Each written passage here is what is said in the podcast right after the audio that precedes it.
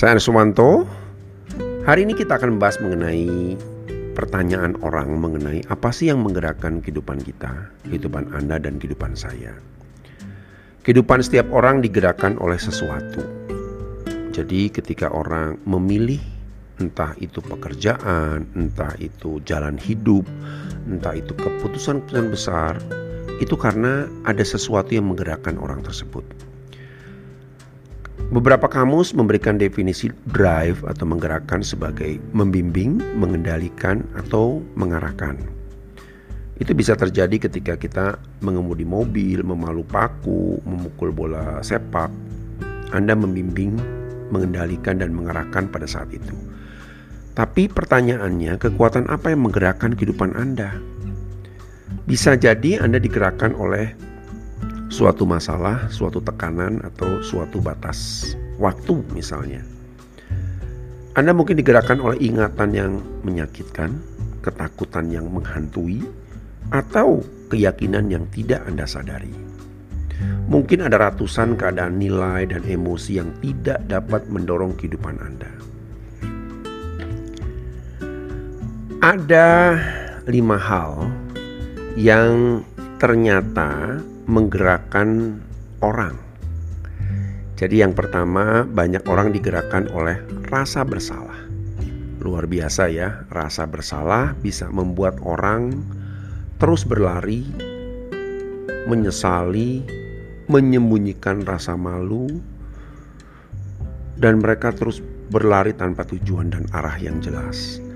Orang-orang yang digerakkan oleh rasa bersalah sebenarnya dimanipulasi oleh ingatan mereka mengizinkan masa lalu mengendalikan masa depan mereka. Mereka sering tanpa sadar menghukum diri sendiri dengan merusak keberhasilan mereka sendiri. Kita adalah produk masa lalu, tapi kita tidak perlu menjadi tawanan. Yang kedua, banyak orang juga digerakkan oleh kebencian dan kemarahan. Mereka terus mencengkram sakit hati itu dan tidak pernah mengatasinya. Mereka bukan melepaskan sakit hati melalui mengampuni orang lain, tetapi justru menghidupkannya berulang kali dalam pikiran.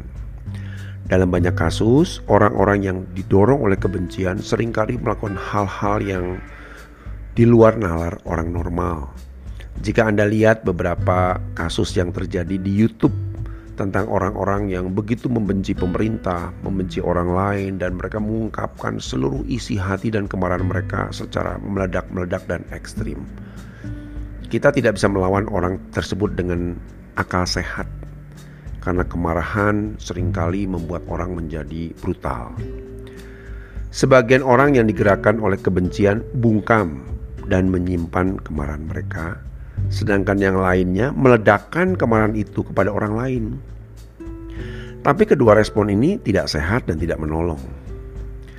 Kebencian selalu menyakiti Anda lebih dari orang yang Anda benci. Jadi ketika orang melemparkan perasaan benci kepada orang lain, sebenarnya mereka menghabiskan energi hampir 10 kali lipat yang membuat mereka lelah dan akhirnya terus mereka terjebak dalam kebencian-kebencian yang berikutnya. Ketika orang yang menimbulkan kemarahan itu sudah lupa apa yang ia lakukan dan melanjutkan kehidupan, tapi kita yang membenci masih terus menikmati luka batin dan terus memikirkan masa lalu. Ada hal yang perlu diperhatikan.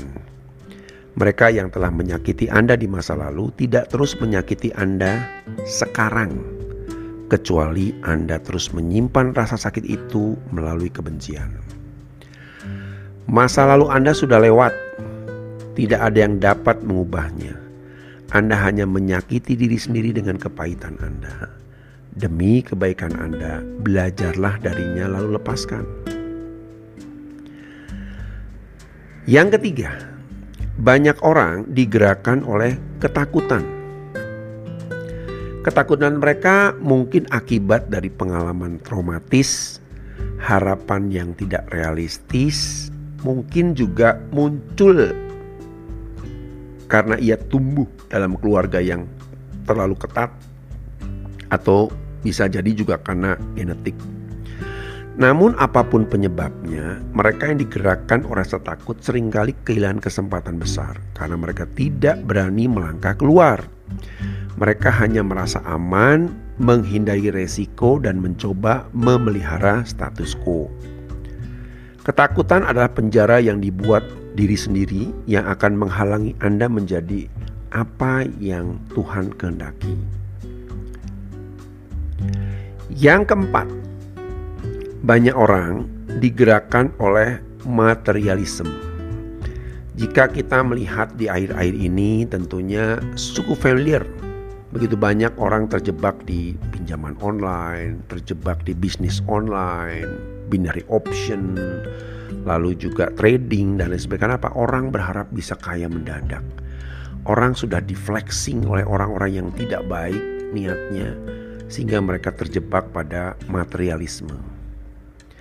Dorongan untuk selalu menginginkan lebih banyak didasarkan pada konsepsi yang keliru yang mengatakan bahwa memiliki lebih banyak akan membuat merasa merasa lebih bahagia, merasa lebih penting dan merasa lebih aman. Tapi ketiga hal tersebut tidak benar. Kepemilikan hanya memberikan kebahagiaan sementara. Karena benda tidak berubah, kita akhirnya merasa bosan dan menginginkan yang lebih baru, lebih besar, lebih baik lagi. Dan ini tidak akan pernah berhenti. Jika memiliki lebih banyak, aku merasa lebih penting. Juga hanya mitos. Nilai diri Anda dengan nilai benda tidak sama. Nilai diri Anda tidak ditentukan oleh harta benda Anda. Tapi banyak orang mengkaitkan nilai diri mereka dengan seberapa besar rumah saya, seberapa besar seberapa banyak mobil saya, seberapa banyak uang saya. Mitos yang paling umum tentang uang adalah memiliki lebih banyak akan membuatku lebih aman. Itu juga tidak benar. Kekayaan dapat hilang dalam sekejap melalui faktor-faktor yang tidak dapat dikendalikan. Keamanan yang sebenarnya hanya dapat ditemukan dari kepasrahan dan ucapan syukur dengan apa yang kita dapatkan. Yang kelima, banyak orang digerakkan oleh kebutuhan untuk diterima. Mereka membiarkan entah itu orang tua, pasangan hidup, anak-anak, orang lain mengendalikan hidup mereka. Banyak orang dewasa masih mencoba mendapatkan pengakuan dari orang tua yang sulit disenangkan. Dalam beberapa kasus yang pernah saya tangani, bahkan ada orang yang sangat depresi, sangat frustrasi karena dia merasa selama ini membuat ayahnya senang itu tidak pernah ia capai. Selalu umpatan, selalu disalahkan yang membuat ia terus frustrasi dan terpuruk. Dan sayangnya mereka yang mengikuti biasanya hanyut di dalam itu dan mereka membiarkan sakit hati mereka dari orang-orang yang tidak pernah mereka bisa senangkan.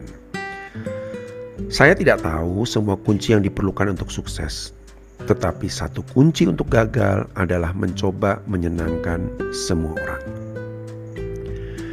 Dikendalikan oleh pendapat orang lain adalah jalan yang pasti menuju kehancuran. Ada kekuatan lain yang dapat menggerakkan kehidupan Anda, tetapi semua menuju jalan buntu yang sama. Potensi yang tidak terpakai, tekanan yang tidak perlu bawa hidup yang tidak pernah memuaskan. Dari beberapa kasus yang pernah saya tangani, lima hal ini tentunya menjadi background atau latar belakang orang datang untuk mengobati diri mereka di dokter jiwa, di psikolog dan lain sebagainya. Dan ternyata lima hal ini sangat mendasari dan setiap tahun berubah-ubah. Mungkin jika Anda menilik saat ini tentunya kita tahu sendiri ya masalah materialisme ini yang mendorong orang menjadi liar dan brutal.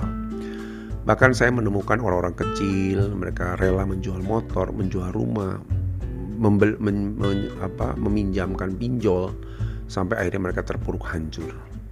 Anda bisa bayangkan Berapa banyak rumah tangga yang hancur karena mereka terdorong, tergerak oleh keinginan untuk mendapatkan materi-materi yang menjadi impian mereka. Dari mana pikiran itu digerakkan? Pertama dari YouTube, pertama dari media-media yang selalu menawarkan bahwa ini loh kesuksesan tuh seperti ini jika punya mobil mewah dan lain sebagainya.